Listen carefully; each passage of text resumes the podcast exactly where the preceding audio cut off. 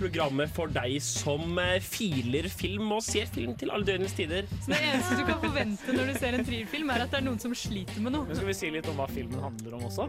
Vi kan gjøre det Før denne jeg er for sein. For jeg har jo et brennende hat mot La La Land. Jeg ser det selvfølgelig på japansk. Ja, så klart du gjør det. Jeg tror Gary Holm er litt som nissen. Jeg liker film. Du, du står fram som filmofil, rett og slett. Jeg gjør det. Du hører på Filmofil på Radio Revolt.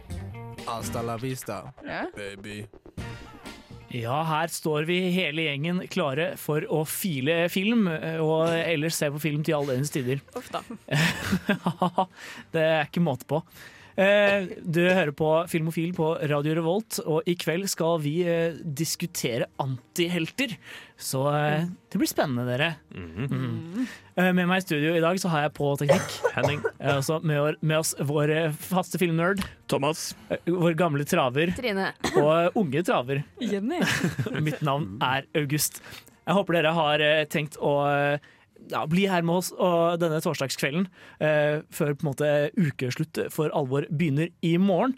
Eh, men før det skjer, skal vi også høre en låt. Vi skal høre 'Jungle' med Heavy California. Ja, velkommen tilbake til Filmofil her på Radio Revolt. Vi pleier som vanlig å åpne sendingene våre med en eh, liten prat om eh, ting vi har sett nylig. Og eh, vi kan jo begynne med deg, eh, Henning. Jo, takk. Hva er det du har sett på denne uka? Jeg har sett Bojack Horseman, og jeg har sett det ferdig.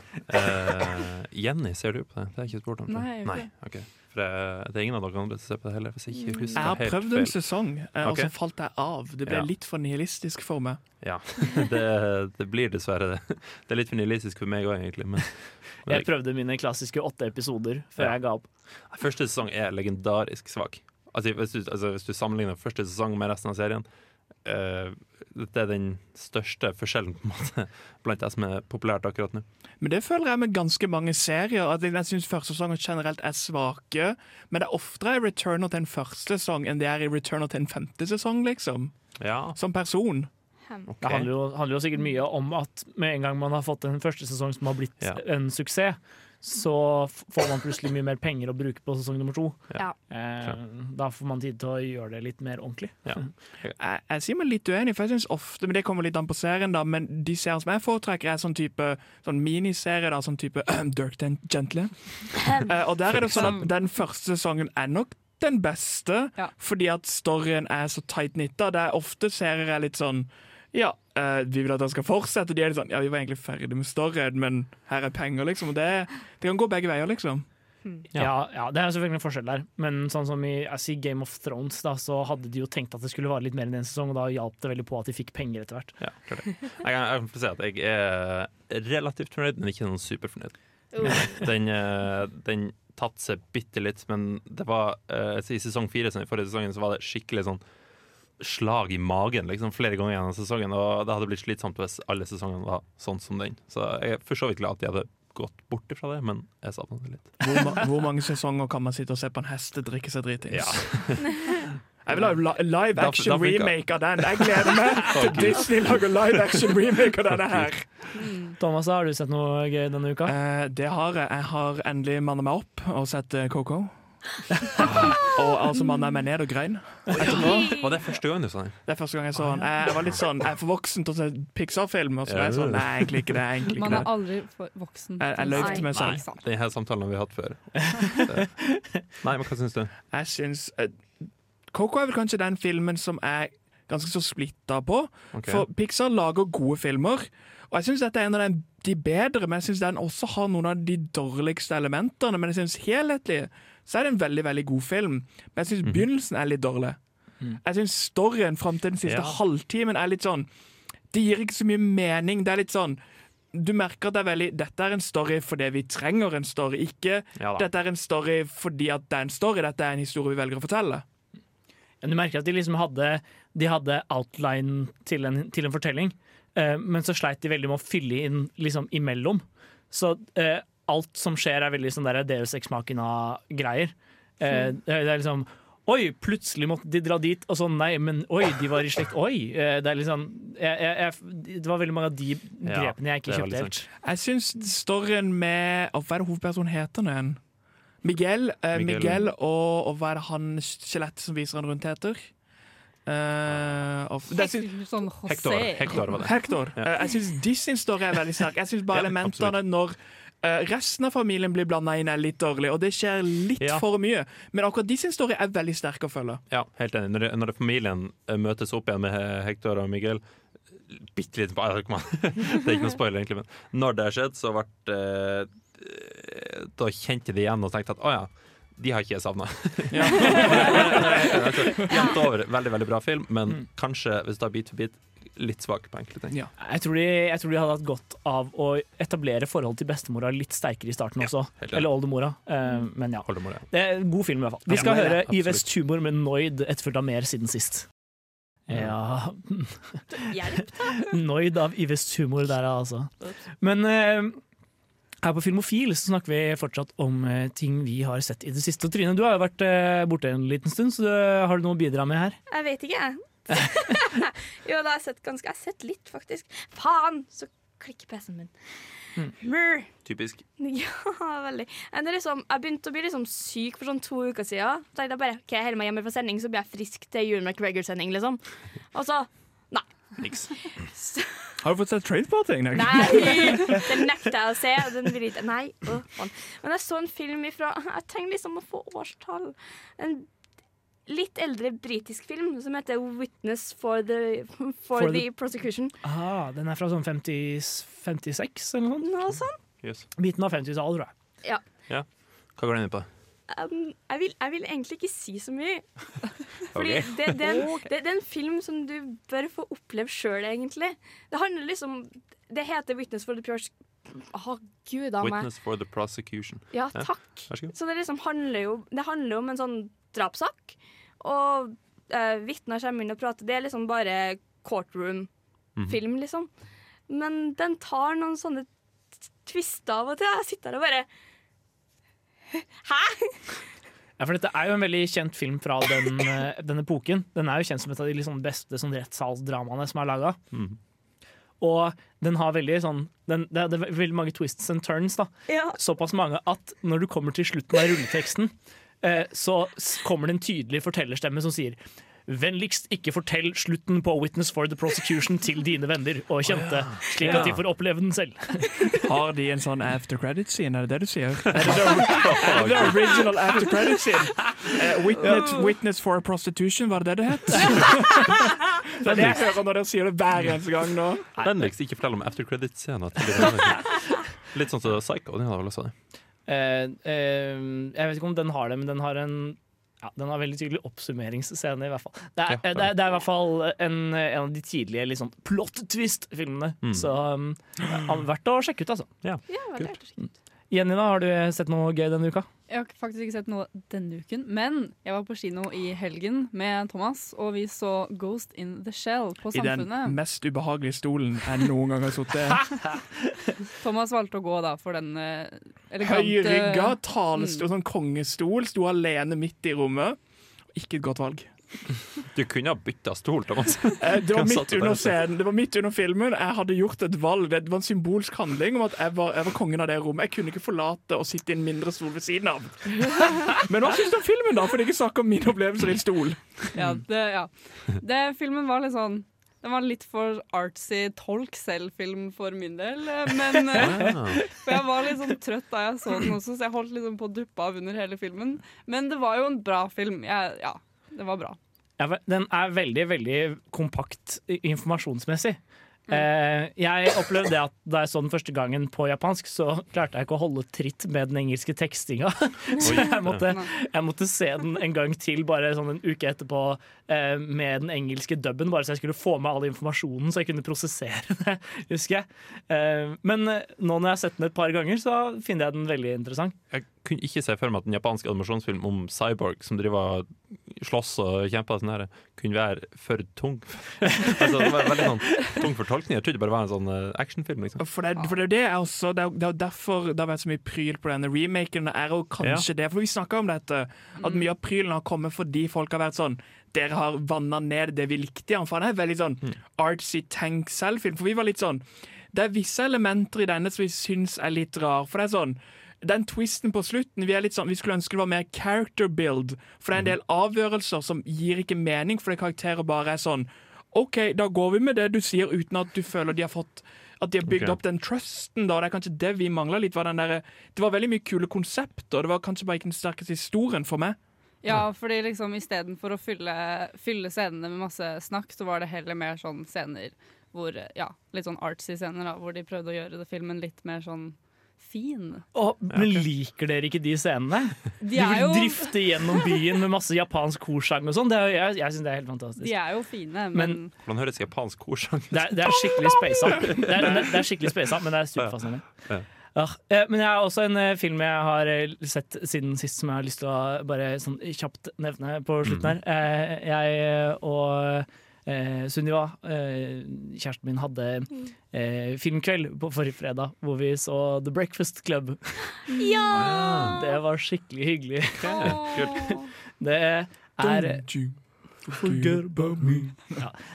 Eh, for de som ikke har sett den, så er det eh, sånn fem high school kids som har fått detention på en lørdag.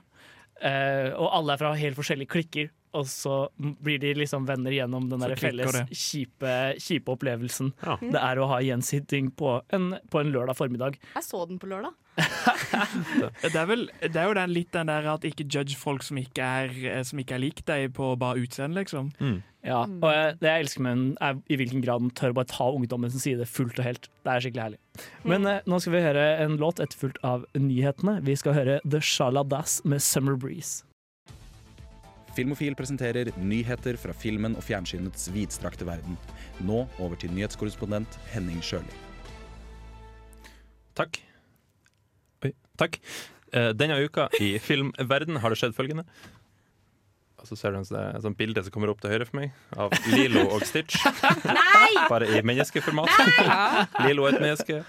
Stitch er et menneske. Nei da. Ingen som vet om Stitch kommer til å bli et menneske. Jeg tviler. Men det kommer en live action remake av Lilo og Stitch. Nei! Jo, Nei! det gjør det. Ingenting du kan gjøre med det, Trine. Jo, jeg skal sende så mange brev til Disney. Fy faen. Du får sende, du får sende sånn, eh, sånne mildt brannbakterier i posten. er det da Stitch som er et menneske som er kledd i sånn, der, eh, sånn dress med sånn Stitch-dress? Jeg håper det. Som går rundt. Stitch One Jeg håper det.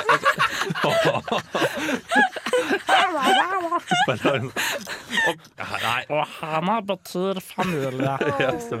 Jeg vet ikke hvordan de blir å gjøre det der. Det er nylig annonsert, og de har altså, Det står de, den er in the works, så hvem vet hvor langt de har kommet? Neppe særlig langt. Men hvor mange filmer er det de har gått tom for? Lilo Stitch var jo ikke en av de sine beste. Jo! Hvorfor velger de å gå for den av alle filmer? De har mye annet som ligger der. Må de virkelig så dypt ned i den bøtta for at de skal remake den? Trine er mest fornøyd her. Det, altså, den gjorde det ikke veldig bra når den kom ut rent eh, økonomisk. Nei. Det gjorde den ikke. Men den er veldig populær, og den har veldig stor fanbase. Og det ble vel noen TV-serier òg som var mer populær etterpå. ja. Så jeg ser for meg at den kommer til å ha mye mer penger enn originalen når den kom ut. Ja, og på en måte så er Lilo og Stitch en av de filmene som kan gi litt mening å lage en live action remake av, fordi den på en måte i bunn og grunn er en, er, handler om sosialrealisme, da. Det, OK? du, du, jo, jo, men Det må du altså ja, Du må alle, eller Hvis du ser på historien om Lilo og Nani, Mm. så er jo det en fortelling som i seg selv hører mer hjemme i en, en sånn eh, britisk eh, traust film om hvor fælt underklassen har det, Ja. enn det egentlig hører hjemme i en science fiction-fortelling, på en måte. da. Eh, eh, og ja, Stitch kunne vel så gjerne vært en slags sånn ja, stakkarslig kid de tok til seg i familien. Eh, Ja. slags, Ja, adopterte, da. Er f- Fra et visst ståsted så kan den filmen ses på som å være Disneys kanskje mest sosialrealistiske film. da.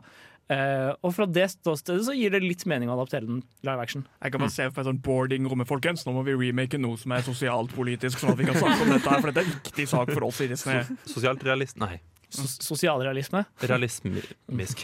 Nei. Sosial sosialrealistisk, kanskje. Ja, okay, det går. Ja, det er lov å si. Nei, eh, Poenget mitt er mer at eh, historien eh, ville gitt mening i et live action, en live action-setting også, da. Så, Så- jeg vet ikke. Hadde det Å gud, tenk om de bare setter filmen i London eller noe sånt. Så er så er det Oliver Twist-historie, liksom. Hey, mate, fattig, en fattig gutt i sixpence, liksom. Da kommer alle i Hawaii til å bli kjempefornøyd, tror jeg. Ja, det tror jeg. Jeg bare lurer på hva det britiske ordet for aloha er. Grei, mate! Det, det er australsk. Fuck. Prøvde, da. Netflix har fått rettighetene til Narnia. Ja, I know! Ja. Hæ? Det blir Yep. rart. Skal de lage ny Ja, ny Narnia. Og de har fått Jeg Der sensurerte vi. Ja, vi sensurerte fucka. Å, nei. Henning, fuck Nei, nei, Oh, men de, de har sagt at de skal lage film og serie av den. Og det syns jeg er veldig rart. at de lager både og. Kanskje de bare holder begge dørene åpne, at de velger en av de til slutt. Det håper De jeg. har rett til begge. Ja, nettopp. Ja, for det, det lurer jeg på hvor de velger å gå hen da. For det er jo mye av filmene som vi ikke får sett. Eller bøkene. Eh, Vi har, jeg tror vi ikke har hatt en ordentlig I vår tid så har vi aldri hatt en ordentlig remake av noen andre enn to av de. Og uh, The Journey to the End of the Sea er, er ikke engang ligner ikke på boka, så den får ikke lov å kalle seg Narnia-film engang. Så vi har egentlig bare sett uh, de to uh, filmene. Nei, vi- har tre, da. Det er både Ja. og av klesskapet', 'Prins Caspian' og 'Reisen til det ytterste hav'. Ja, men den sa jeg teller ikke. Så Ja, vi har okay. bare to. Ja, da så. Men tar det da for seg liksom Narnia som helhet, eller tar det for seg Er det liksom en remake? Eller De, På en de har fått rettighetene til bøkene av C.S. Lewis, så Ja. eh, hele bokserien hans, så Jeg vet ikke, bøker. Det er syv bøker. er det det. Hmm. Det er syv bøker, Han er veldig religiøs. Altså. Jeg kan navne i alle hvis du vil. Eh, det går bra. Men ja, de er veldig tungt The religiøse. Nephew and the Wizard. Nei, jeg gleder meg. Jeg, liksom, jeg har veldig lyst til at de skal ta for seg den første boka, for 'Drømmen Ja. om Narnia' er kjempebra. Den, det, Ja. Pappa brukte å lese den til meg når jeg var mindre, så jeg, liksom, jeg har litt å se det enten filmatisert eller TV-serie.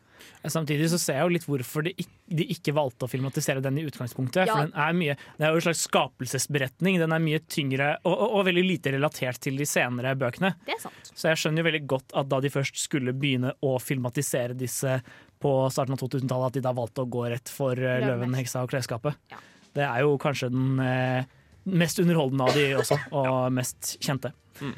Eh, det var eh, det, Vi får mer nyheter fra deg, Henning, etter at vi har hørt eh, Ben Pirani med 'Try Love'. Får vi ikke det? Jo, det får vi. Nice.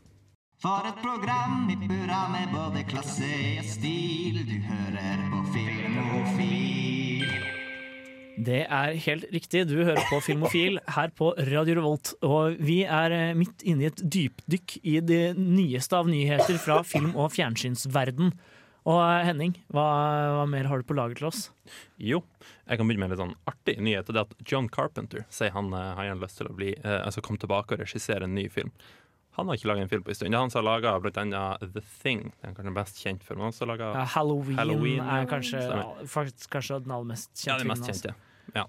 Han har sagt han vil gjerne lage en ny film, men The Thing 2 er helt ute av spøk. Han sa han skal, han skal aldri lage det, og det, det, er er helt veldig, ja, det er veldig fint.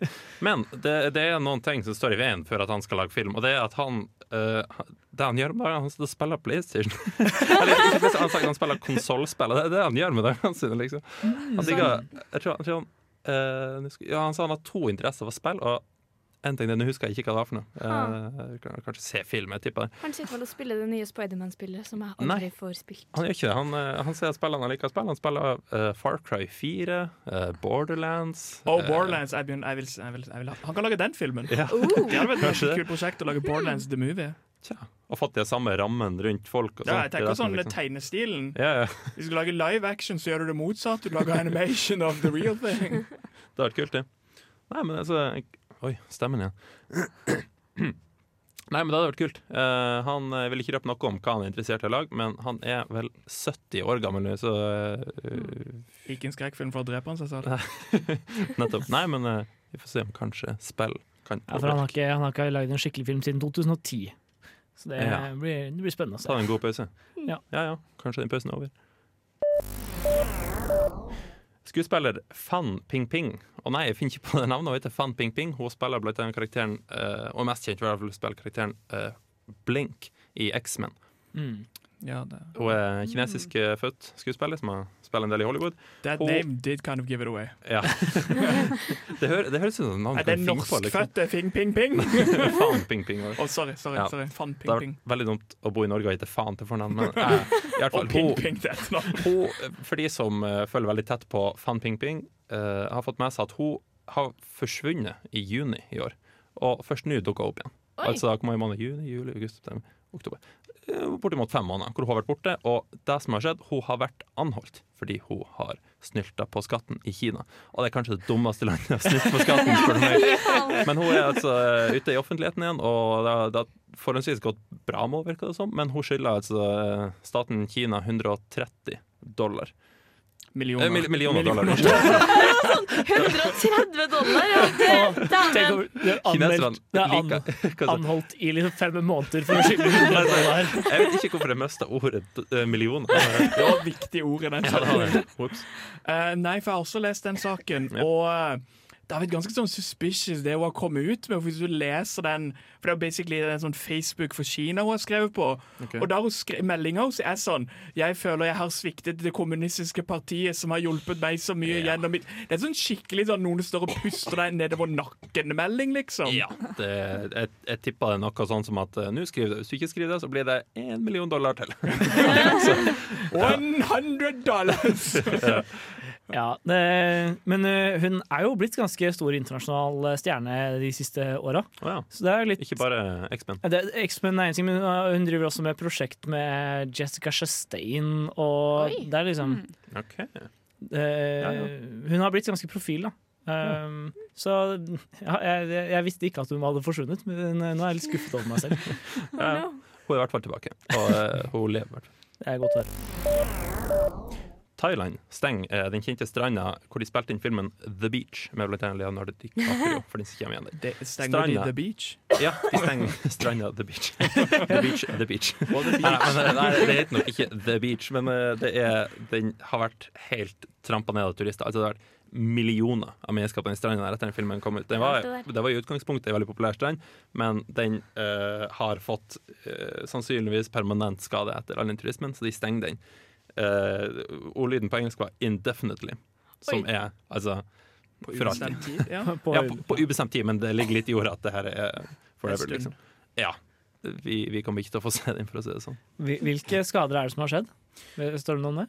Nei, det er ikke som jeg har sett, i hvert fall. Men uh, man kan jo se for seg. Sikkert forsøpling. Og jeg ser for meg at mye av jorda rundt For stranda kan jo ikke bli tråkka ned særlig, men jorda som er rundt stranda, sant, kan bli Ja. veldig ødelagt. Den kan bli tråkka ned og bli sånn myraktig, og da klarer ikke trærne vokse. Det, den er, jo- det Vi har altså gått glipp av vår sjanse til å se stranda i The Beach. Oh, no. Ja, ganske triste greier. Vi eh, skal nå høre Satellite Stories med Sunglasses mens vi tenker på hvor trist det er at vi aldri får se den stranda. Ja, nå eh, har vi kommet til Vi begynner å nærme oss temadelen til denne sendingen for alvor. For eh, på Filmofil i kveld skal vi som sagt snakke om antihelter. Oh. Det blir, eh, det blir spennende. I den anledning har du vært og anmeldt en eh, film, Jenny. Det har jeg. Jeg har sett Venom, den nye Marvel-filmen, som jeg ikke egentlig var så hypet for på forhånd. Sony. Men, Sony Marvel.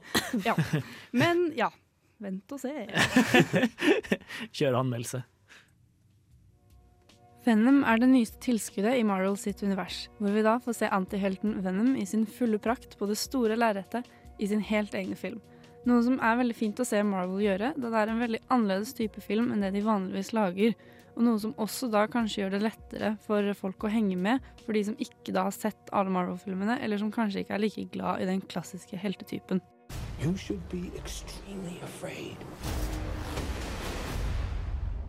Karakteren Venom er originalt fra de tidlige tegneseriene til Marvel, hvor han der er en av de mange fiendene til Spiderman. Men i denne filmen er det derimot ingen Spiderman å se, men den fokuserer mer på den utenomjordiske antiheltsymbioten Venom som karakter. I found something really bad. And I have been. Who said that? Taken. Filmen åpner med en scene hvor et romskip kommer krasjende ned på jorda.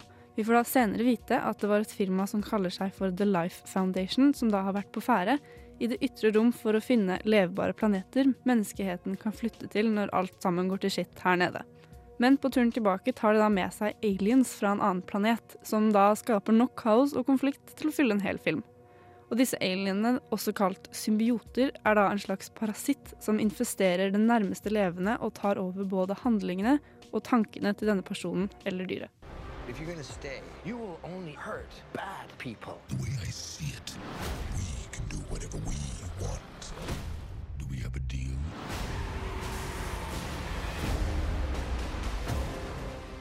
En av symbiotene vi da blir bedre kjent med i denne filmen, er åpenbart Venom, som da knytter seg opp mot Tom Hardy sin karakter, journalisten Eddie Brock, ved et uhell.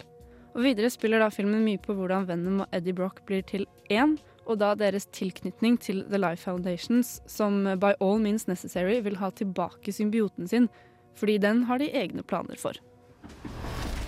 I'm gonna need Mr. Drake's property back. I don't know.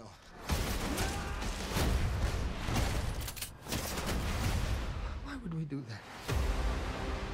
Siden Eddie og Venom på en måte da blir ett og samme vesen, bringer det frem en god del underholdning og morsomheter i form av dialoger mellom de to, hvor det kommer tydelig frem at det kun er Eddie som da kan høre det Venom sier til ham. Blant annet er det en scene hvor Venom kaller Eddie en pussy etter at han nekter å hoppe ut av et vindu på en bygning. Men vittigheten og humoren er aldri dårlig plassert eller feil, men det fungerer godt i samspillet mellom Eddie og Venom imens de lærer hverandre å kjenne.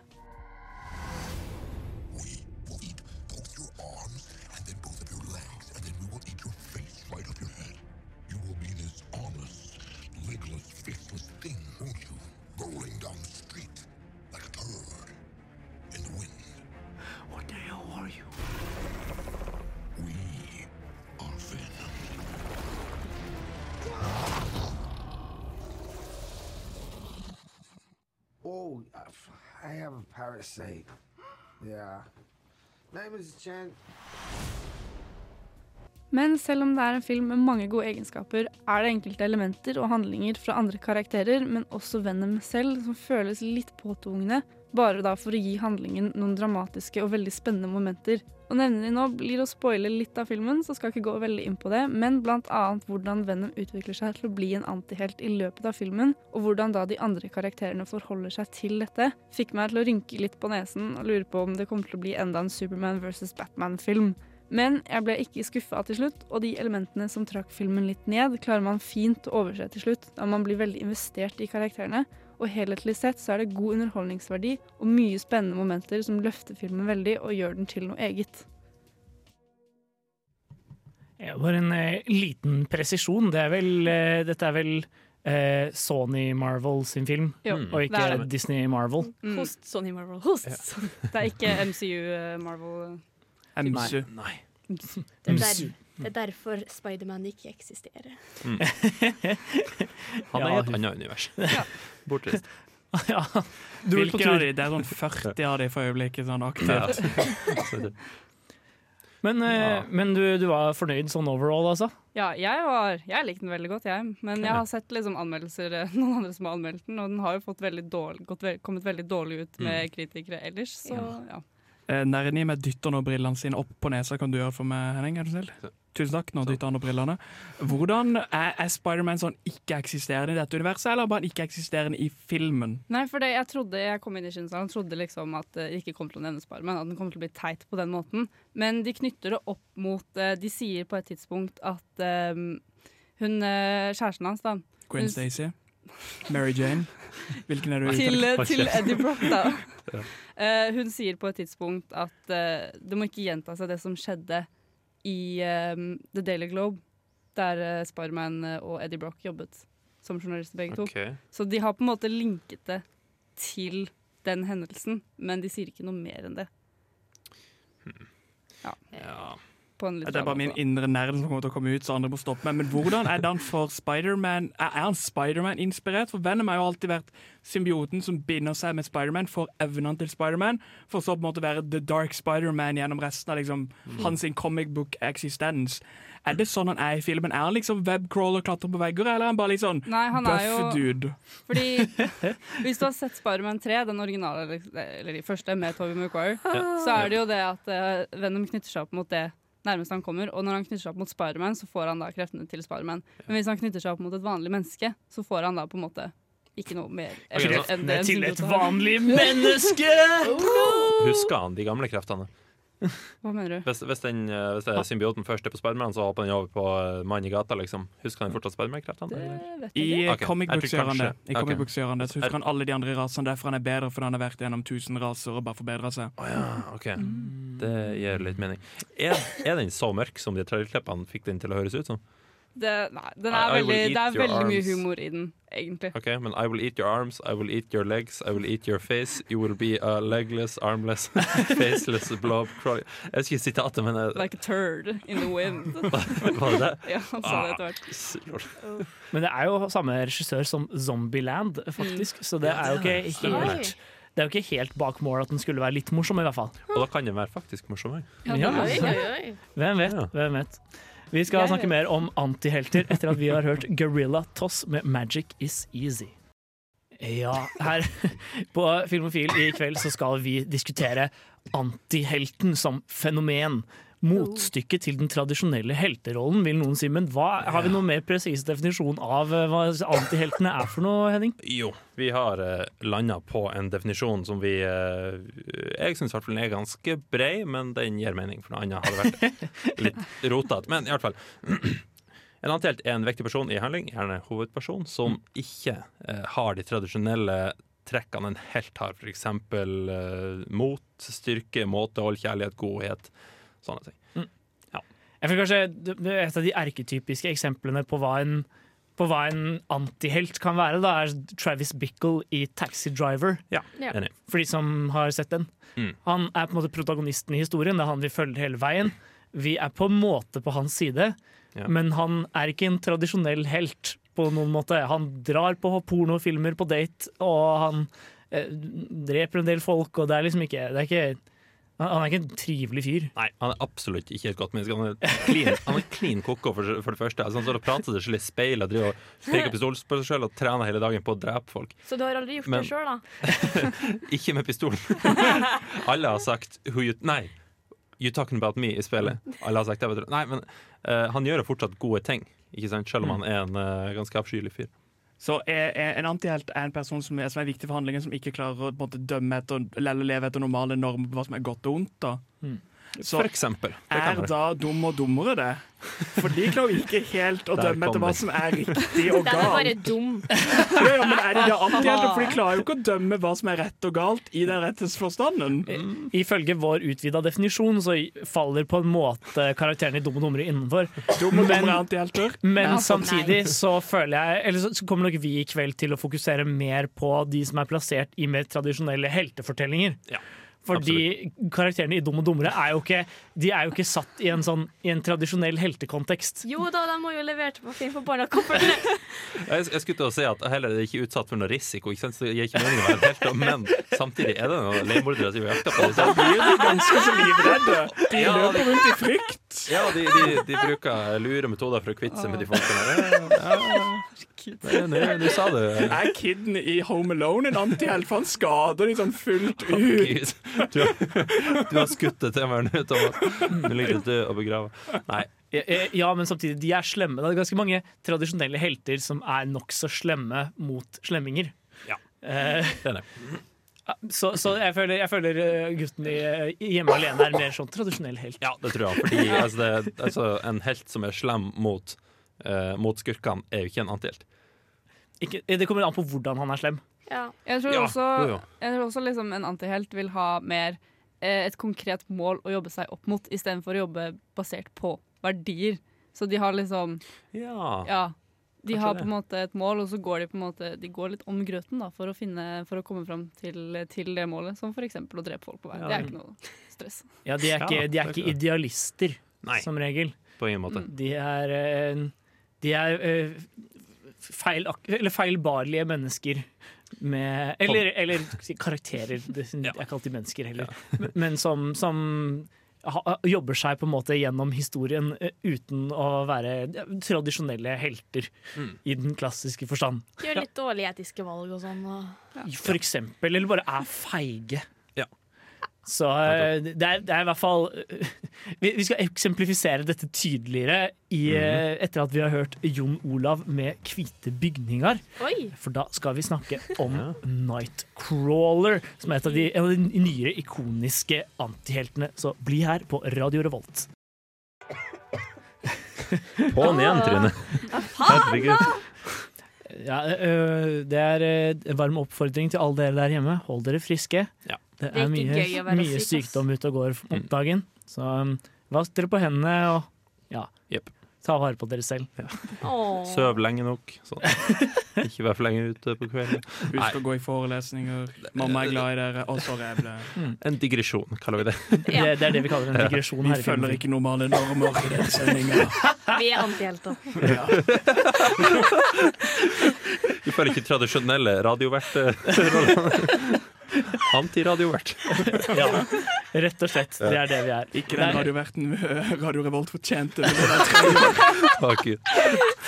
komme oss inn på temaet, eller? Kanskje ja, det. Kanskje. eh, For uh, forrige uke så ga vi dere i hjemmelekse å se Nightcrawler. Uh, fra 2014. Stemmer. Med Jake Gyllenhaal i hovedrollen. Og du er ganske fan av den filmen, Henning. Jeg er veldig glad i den filmen. Jeg er veldig glad i Jake Gyllenhaal. Jeg Men det er en av hans beste roller. Jeg kan gjøre sånn kort synopsis. Han er en, en sosiopat. Han har ingen empati for andre mennesker. Han uh, tar jobber rundt omkring. Ikke så ærlig ofte. Han starta filmen med at han driver og stjeler sånne gjerder og selger det til, eh, til snekkere. Tjener penger på det her, ja. Uh, Når han kommer over eh, et bilvrak, så uh, ser han at det kommer en, en, en van kjørende. Det kommer to folk med kamera ut og driver og filmer rundt og veldig sånn nært opp i den brannen, hvor de driver og drar ei dame ut av bilen. Eh, så spør han hva de driver med, og så sier han vi driver med sånn og sånn og sånn. ikke sant? Og så tenker han det skal jeg begynne med. Det kan jeg få til. Så fører han rundt i bilen sin med kamera, filmer ulykker, drap i gata, sånne greier. Han, han har en politi- politiradio, så han kan finne eh, åstedet. Uh, og så selger han videoene til morgennyhetssendinga, Ja. ikke sant? Uh, til høyeste bud. Og han blir ekstremt god til, her, Emil, til det her, Emil sagt. Og det er egentlig hele filmen. Du, kan, du får se hvor langt en sosiopat går for å filme voldelige ting, rett og slett. Mm. Og man kan kanskje gjette hvordan vei det går, for å si det sånn. Ja. Men eh, det er jo altså en ting er jo at det er Jake Gyllenhaal sin, kanskje, sin aller sterkeste rolle. Mm. Ja, Punktum. vil jeg si. jeg, jeg vil ikke si at det er så mye konkurranse Nei. blant hans andre, Egentlig. Um, han spiller sosiopat veldig overbevisende. Men det er også en eh, ganske Eller det er også en av nyere tids mer ikoniske antihelter. Mm, Rett og slett. Han, eh, han eh, mangler jo ganske mange av de tradisjonelle heltekvalitetene, kan man eh, mildt sagt si. Mangler alle. Ja. Han har Han er- ingenting! Han er hardtarbeidende. Og har pågangsmot. Ja, nettopp. Nei, ikke si sånn. Jeg får helt det, ja, nettopp. nettopp. Han, han har akkurat den attituden. Det viktigste å gjøre bla, bla, bla, sånn. Han er, fy faen, jeg- får nesten frysninger Det er av sånn, å jeg, prate så med den, jeg så den før jeg dro på sending, Ja. og jeg er bare sånn Jeg sitter på PC-en samtidig som jeg ser filmen, for det her har ikke jeg lyst til å se på! Nei, den er til tider ganske ubehagelig å se på, men dæven for en bra film. er. Shit. Men en ting vi må ta opp, er jo uh, cinematografien i den filmen med Ja. Robert Elswit, som Ja. har uh, filma f.eks. There Will Be Blood. Uh, han er jo, oh, ja. Det er jo er fantastisk pen filma. Det er han som er filmeren, cinematografen, som det heter. Det er han som filmer filmer. Var det ikke Roger Deacon som hadde There Will Be Blood? da? Det var det som Kanskje de jobba i lag om det? men det Nei. Det, det er, det er ja, som hadde OK, ok, whoops. Eh, fett. han, og han, det, de har, Hvis jeg husker riktig, så var det jo nyskapende ka, nye, nyutvikla kamera som ble brukt til den for å kunne fange Mm. den nattefeelingen. For mye problem når det Mm. kommer til filming, er jo å lage nattscener realistiske fordi det blir så mye korn når det ser så jævla stygt ut. Ja, Og der har de brukt jævla mye tid, penger og lys og kamerautvikling for å få nattscenene til å se ut som natt, Ja. men allikevel se crisp og pene ut. Og det er en syk ting å gjøre når det kommer til film. Mm, for det er veldig mange scener langs motorveiene motorveien i, motorveien i LA, og de ser faktisk jævlig bra ut. Det har jeg ikke tenkt på. Ja. Men den bakgrunnen bak uh, løktestolpene og sånn, det er rett svart på lys, liksom. Og det, det er veldig kul ting at de fikk til. Du vet at liksom, hovedkarakteren din er antelt når han drar et lik med seg for å få bedre, Ja, bedre ramme bilde, for shotet, liksom. Ja. Bare liket skal være her! um, Eller bare veldig perfeksjonist da, Mm. På arbeidet sitt. Eh, Kanskje begge. Har du lyst til å gå rundt og dra på et lik bare fordi du er perfeksjonist? For å quote en av Norges beste fotografer, eh, editorial-fotografering handler mer om å flytte møbler enn det handler om å kunne ta bilder. Det tror jeg på. And on that note skal vi høre Rassika med En sjanse til, etterfulgt av mer antihelt-diskusjon. Ja, velkommen tilbake til Filmofil. Her diskuterer vi i kveld antihelter. Og vi, vi var inne på litt i forhold til Nightcrawler før vi hørte Rassika her, at eh, ja, Et eksempel på, på en, en god antihelt, men kan vi komme med noe mer sånn generelt rundt hva, hva er det egentlig som gjør en antihelt god kontra dårlig? Ja, fordi det er jo Man kan jo se på det veldig konkret, da. Fordi Eh, også det med hvordan eh, man sympatiserer med en antihelt, som vi også kommer tilbake til. Men da er det, eh, vil jeg si, liksom kompleksitet hos karakteren. Det at man, de har liksom De har en litt eh, rough eh, bakgrunn, og at de er eh, lette å like, men samtidig også lette å hate, på en måte.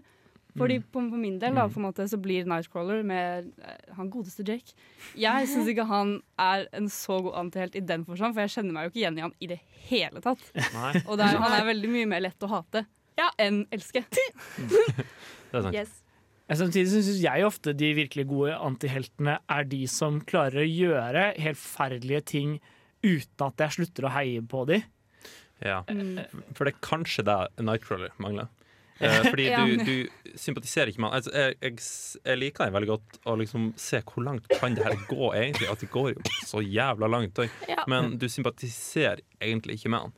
Ja, Det mangler litt, det. Nei, jeg, jeg sympatiserer ikke på han, men i kontekst av den fortellingen så heier jeg på han allikevel. Ja, da. ja, ja, og det, da syns jeg de har fått til noe. Det er jo kanskje det som er den der store tingen, er det at de må ha et, et helteriske mål, men de kan, må liksom approache det fra en ikke, ikke liksom heroistisk måte. Da. Det jeg føler det er der som definerer en, en, en god antihelt, da, det er at målene sitt til syvende og sist er bra, men det er veldig den derre jeg kan ikke gjøre dette i, i, på den rette måten, som jeg må angripe det fra en annen side. Mm. Sånn type 'the system is corrupt'.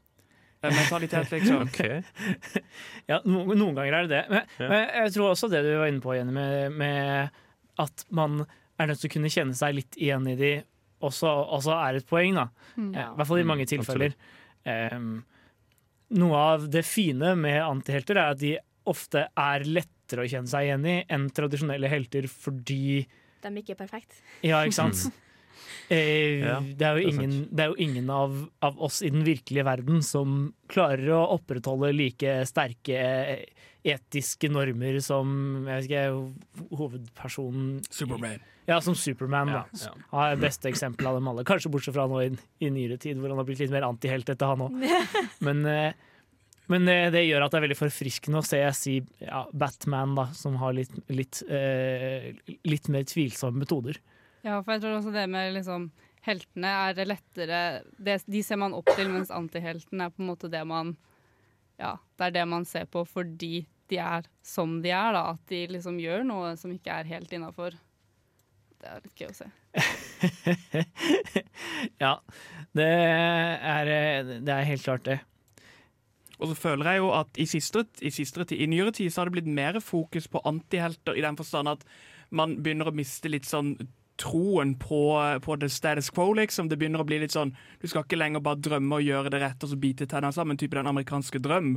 Eh, For den har vist å feile ganske mye i det siste, og at antihelter har steppa litt opp. Ja, Det er en generell trend at man ser at de, de gangene man mister litt troen på samfunnet som helhet, så er det plutselig en oppblomstring av antihelter. Oh, ja. Sånn eh, rundt, rundt 70-tallet, da, med, med Vietnamkrigen, så kommer plutselig liksom Ja. Taxi Driver og, eh, og Gudfaren og liksom Hjortejegeren. Alle disse filmene som handler om veldig, veldig feilbarlige helter. da. Eh, Og på samme måte ser vi det litt i disse dager, når folk har litt lite tiltro til systemet, at vi får ja, Walter White og Tony Soprano osv. Men kanskje det er det også som gjør de til gode antihelter? At vi, de kommer på et tidspunkt hvor vi på en måte? Ja, jeg, jeg, jeg så ikke Gudfaren i den kulturelle konteksten. Jeg syns fortsatt det var en veldig bra film. For å si det sånn. Ja, de, de, må jo kunne, de må jo kunne si noe grunnleggende om hva det er å være menneske òg, på en ja. måte. Det, de kan ikke bare være fete Eller de, de, kan ikke, de kan ikke bare si noe om tida de er lagd i, de må også kunne generalisere litt, da. Og det tar opp den der store debatten Er målet verd eh, liksom, Hvor mye er the end goal worth, liksom? Er, så lenge det er godt, er alt du annet gjør godt? Liksom? Det er jo sånn age old question, da, liksom. Does the end justify the means? Som jeg føler er veldig sånn antiheld-debatt. Ja. Men det skal sies at det er ikke alltid at målet til en antihelt er snill heller. Etter definisjonen vår. Nei, no, noen ganger her så er, det jo, er jo målet deres bare å tjene, Ja. noe, noe spenn, og så blir de dratt inn i en større konflikt. Ja, det er hovedpersonen i Taken. Han ville bare henge med dattera, og så plutselig bare Plutselig ble han tatt. Ja, plutselig ble han tatt. Men, men. Det er sånn det kan gå noen ganger. Med disse stakkars, stakkars antiheltene våre. Men eh, etterpå skal vi prøve et lite nytt konsept. Vi skal kjøre en topp tre-liste. Og Da blir det de topp tre kvinnelige antihelter. Så bli her på Filmofil gjennom både Heartbreak Satellite med Follow og Lumet med Big. Ja, velkommen tilbake til Filmofils antiheltsending.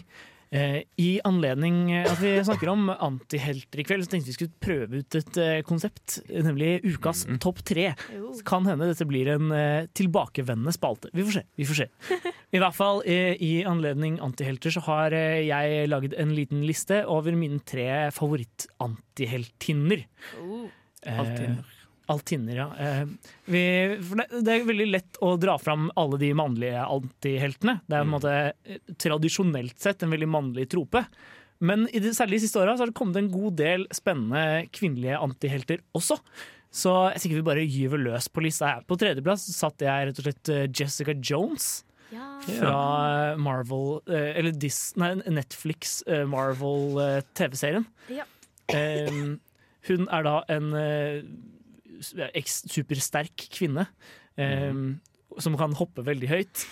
um, og som har noe personlig oppgjør med en uh, fyr som driver med tankekontroll. Så- Kilgrave. Killgrave. Og en lever av stål. Hun drikker mye Oh, whisky. Yes. Hun drikker mye whisky. Eneste hun gjør, nesten. Mer eller mindre. Mer eller mindre. Um, mens på andreplassen min så uh, valgte jeg å sette godeste Amy Dunn fra Gone Girl. Okay. Da uh, kvinnen som uh, Med fare for spoilere, hvis Henning har ikke sett Gone Girl, er derfor veldig redd for spoilere. Ja, dette kan bli en gøy debatt å prøve å ta. Bare vent når du er ferdig. Men i hvert fall, hun stager sin egen forsvinning eh, for at mannen skal få dødsstraff. Og Ja. ja, hun er ganske, ganske shady dame, veldig fascinerende karakter. Um, og på førsteplass så har jeg eh, satt Beatrice Kiddo fra Kill Bill-filmene. Ja. En dame på hevntokt, eh, og, og hevn blir det, kan man vel si. Hun er heller ikke en veldig tradisjonell heltetype. En god førsteplass. Liten applaus. Jeg er veldig enig i førsteplassen din, men jeg syns andreplassen din er, er feil. For jeg syns ikke at hun er en antihelt, jeg syns bare at hun er en straight up skurk.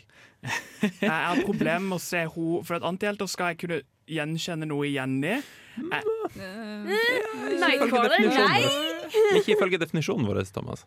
Tilbake Det var, du som trekk din dom og dommere. Det er du som strekker definisjonen.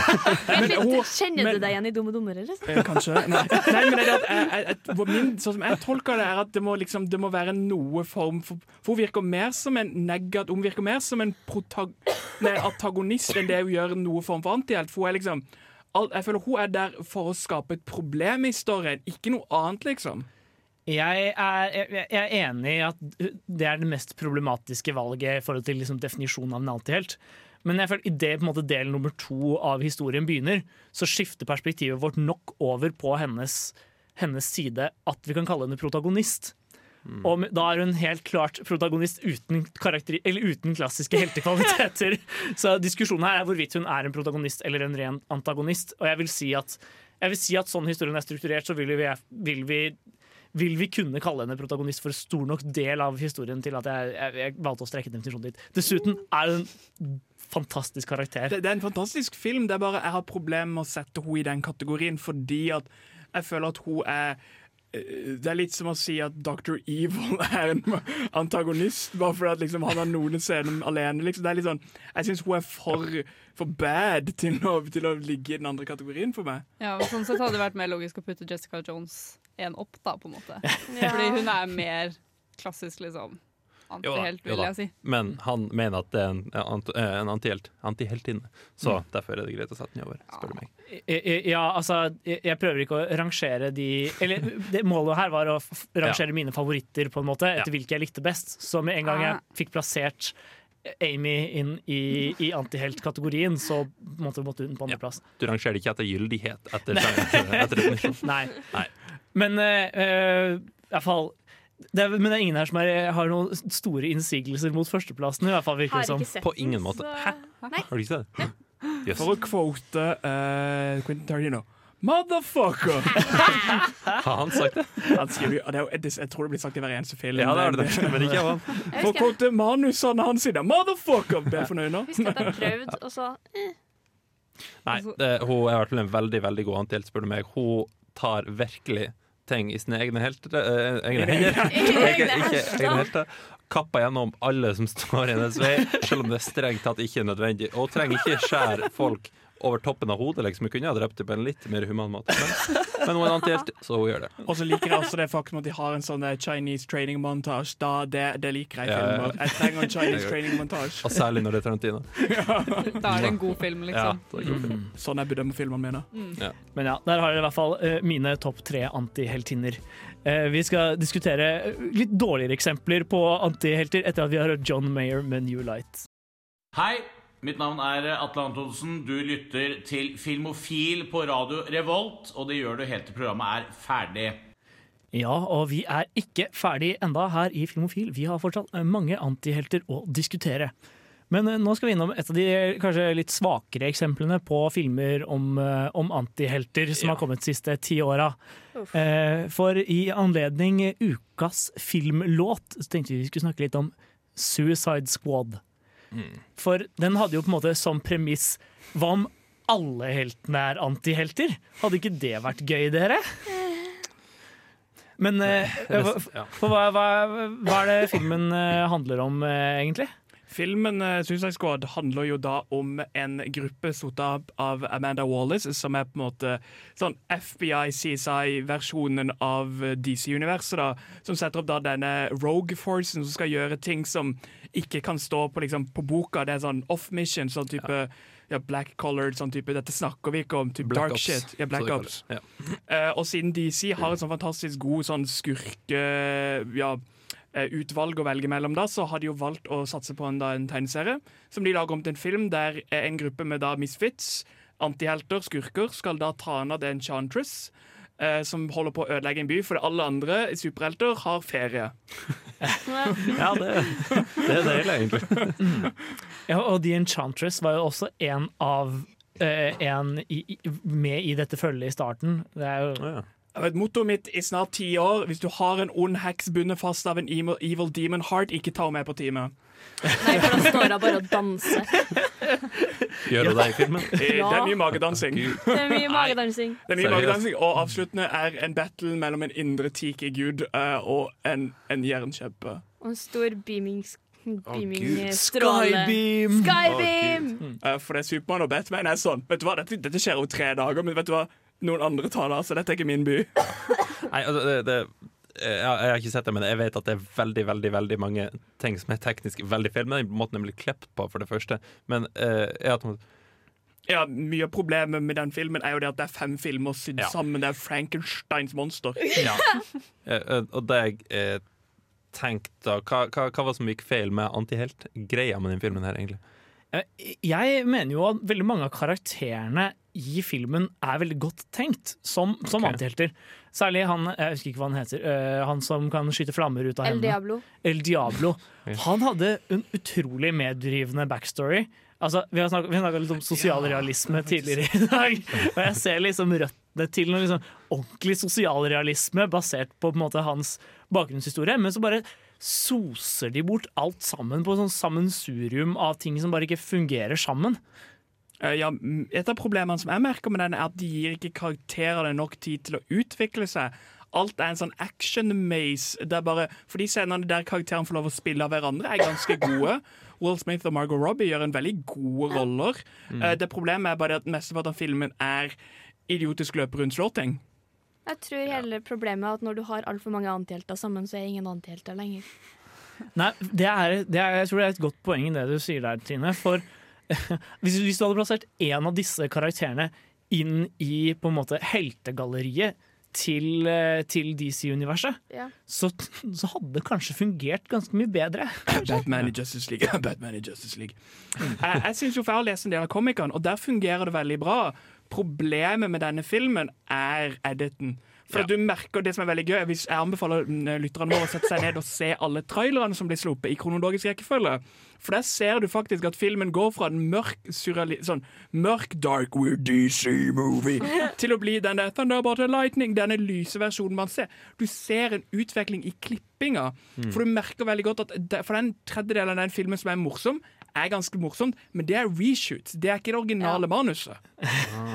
Det er, eh, det er rett og slett en, et, et Frankenstein-monster av en film om en haug med antihelter som røp, løper rundt og slår ting.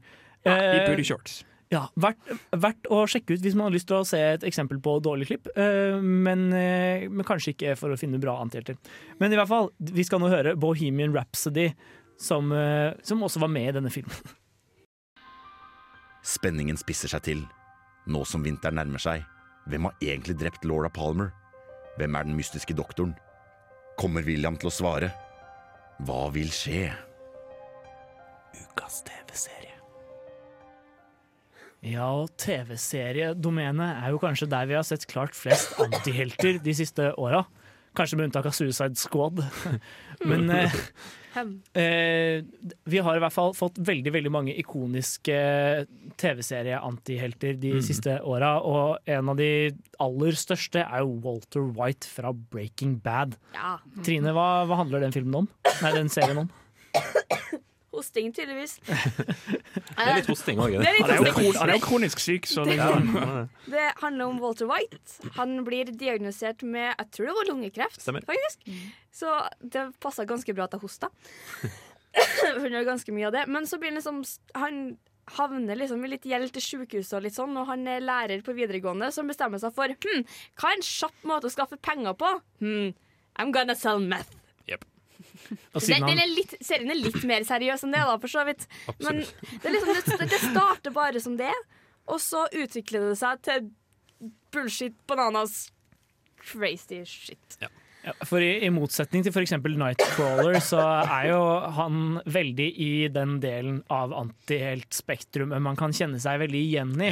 Ja. Han eh, er jo ikke akkurat Det er jo ikke vanskelig å se hvor han kommer fra, på en Nei, måte. han har absolutt motiv, du kan kjenne igjen til. Han ser eh, dødens dør liksom, og tenker at eh, det, det siste jeg kan gjøre, er å skaffe, uh, skaffe penger til familien min. Dama mi på 40 år er i ferd med å føde en baby, hun er altfor gammel til det.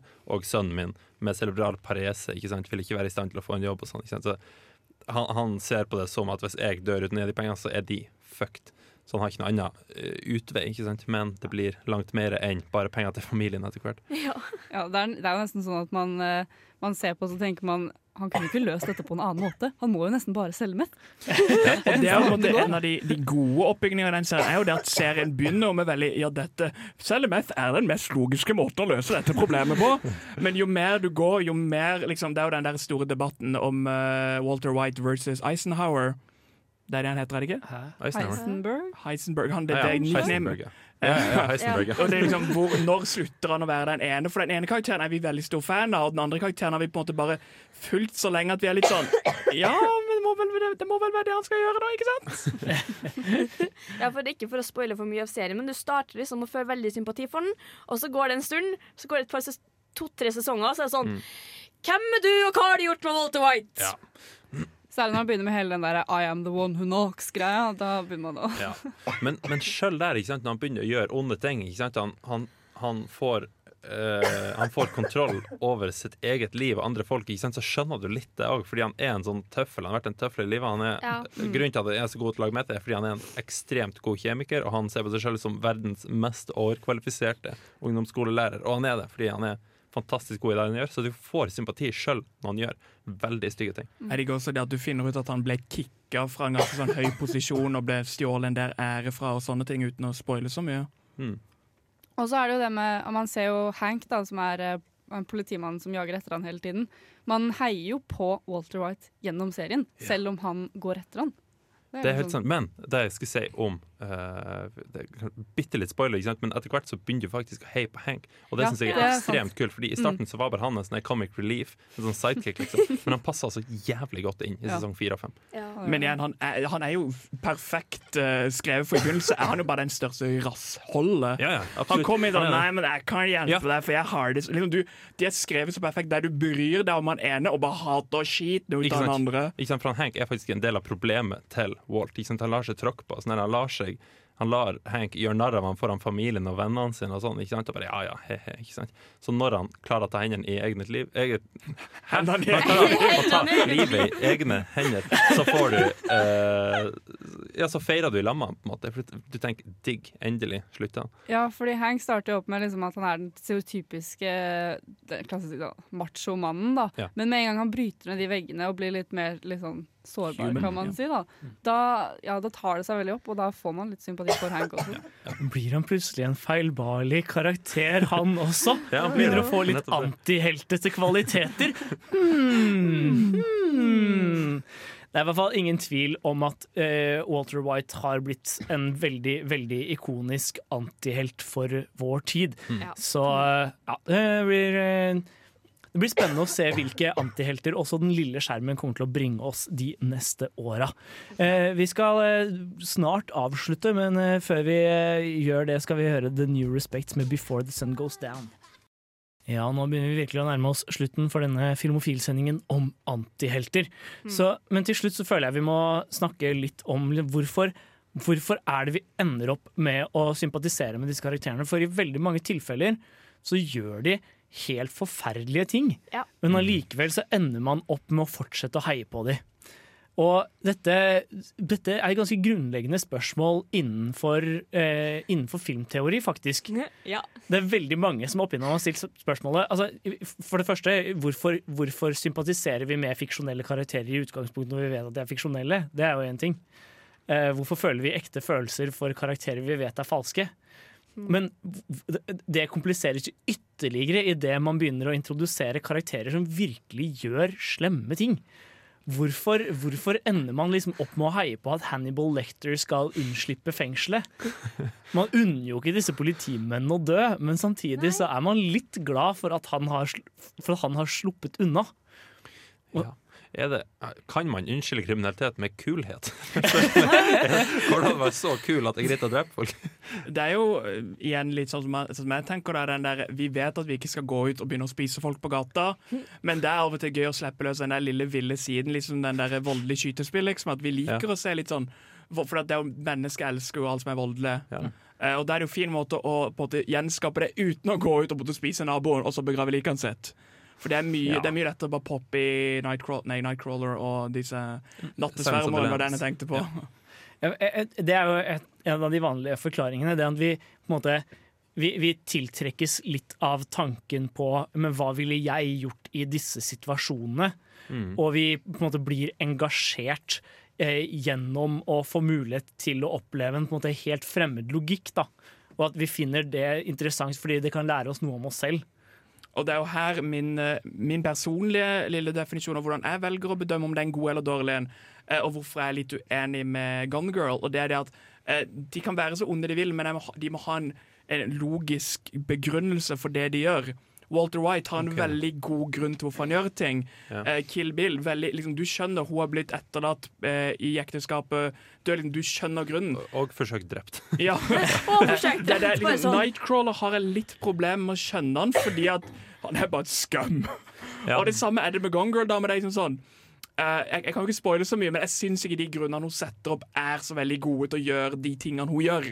Nei, det har mye med backstory å gjøre også, da, vil jeg si. For det er jo liksom, Jo mer du blir kjent med karakteren, jo mer kan du sympatisere for den. Fordi ja, da er du satt liksom litt mer inn i situasjonen hennes. Da, da er det liksom, ja, Hva hadde jeg gjort her? Ja, Sikkert det samme. Eller? Ja. Eh, En av de måte, morsomste innfallsvinklene til det vi lærte om i, eh, i måte, fiksjonsfilmfaget vi hadde, var jo at vi ofte ender opp med å heie på disse karakterene fordi vi vet at filmen kommer til å bli morsommere. Hvis de gjør det bra, så blir det sånne metafølelser for filmen. Altså, det, blir jo, det blir jo veldig kjedelig eh, Nightcrawler ville blitt en veldig kjedelig film hvis han bare ble arrestert første gangen han gjorde noe galt. Ja, ja, Man drar like om politiet bare «Ju, ju». Hva er driver med? Deg Oh my god. Så ble han satt i fengsel, og så satt vi, altså, det hadde ikke blitt en spennende film, da. Nei, ja, så, så vi ender opp med å liksom indirekte heie på karakterene, rett og slett fordi vi vet at vi selv kommer til å få en mer underholdende filmopplevelse av det. Det er litt som en berg-og-dal-bane. Du er på vei på toppen, du bare ser at toppen kommer, du bare, ja, ja, ja, ja, så føler du, ikke? Du vet at det går galt, men allikevel heier du. Ja, og Det er jo derfor man ofte ender opp med å, med å mislike Skyler i Breaking Bad. Fordi hun, hun på en måte holder igjen for at han skal gjøre alle de, mor, mors, eller alle de spennende tingene vi vet Ja, at han skal gjøre. Så hun, hun på en måte fucker til vår opplevelse av filmen. Ikke ved å gjøre noe galt, men ved å på en måte hindre karakteren fra å gjøre noe galt. Nå tror jeg du er inne på noe, for det er litt sånn med Hannibal Lecter. Han slipper ut, så tenkte du du har hørt så mye fucka ting han har gjort, og du har sett han prate med eh, Clarice. Clarice. Mm. Eh, og tenk, herregud, for en fucka fyr, for vi ser hva han gjør i action. Liksom. Og han er Han, skuffa ikke, for å si det sånn. Han er like fucka som han uh, skryter. Ja, det, så det er mange grunner til å sympatisere med antihelter, rett og slett. Men uh, det var det vi rakk for denne gangen. Nå vil vi høre 'Temporary' med 'When I Leave', før et siste, en siste liten ha det bra på slutten. Ja, nå er vi dessverre nødt til å takke for oss her i Filmofil i kveld. Det er kanskje på tide, for alle er syke og burde egentlig dra hjem og, og sove. Vi har snakket om antihelter, så hvis du har lyst til å høre sendinga i sin helhet, er det bare å gå på radiorevolt.no slash programmer slash filmofil og høre sendingen på nytt i sin helhet. Og vet du hva? Vi har fått en app, Radio Revolt. Bare søk den opp. iOS Ja! Android. Last ned der. Der kan du også høre streama de Demand-sendingen vår. Neste uke så skal vi snakke om filmer satt i verdensrommet. Det blir veldig gøy. Vi skal anmelde First Man, så det blir god stemning. I den anledning er ukas hjemmelekse Apollo 13. Kanskje den mest eh, realistiske romfilmen som er laget til dags dato. Med meg i studio i kveld så har jeg hatt på teknikk. Henning. Vi har også hatt med oss vår faste filmnerd. Thomas. Gamle traver. Trine. Unge traver. Jenny.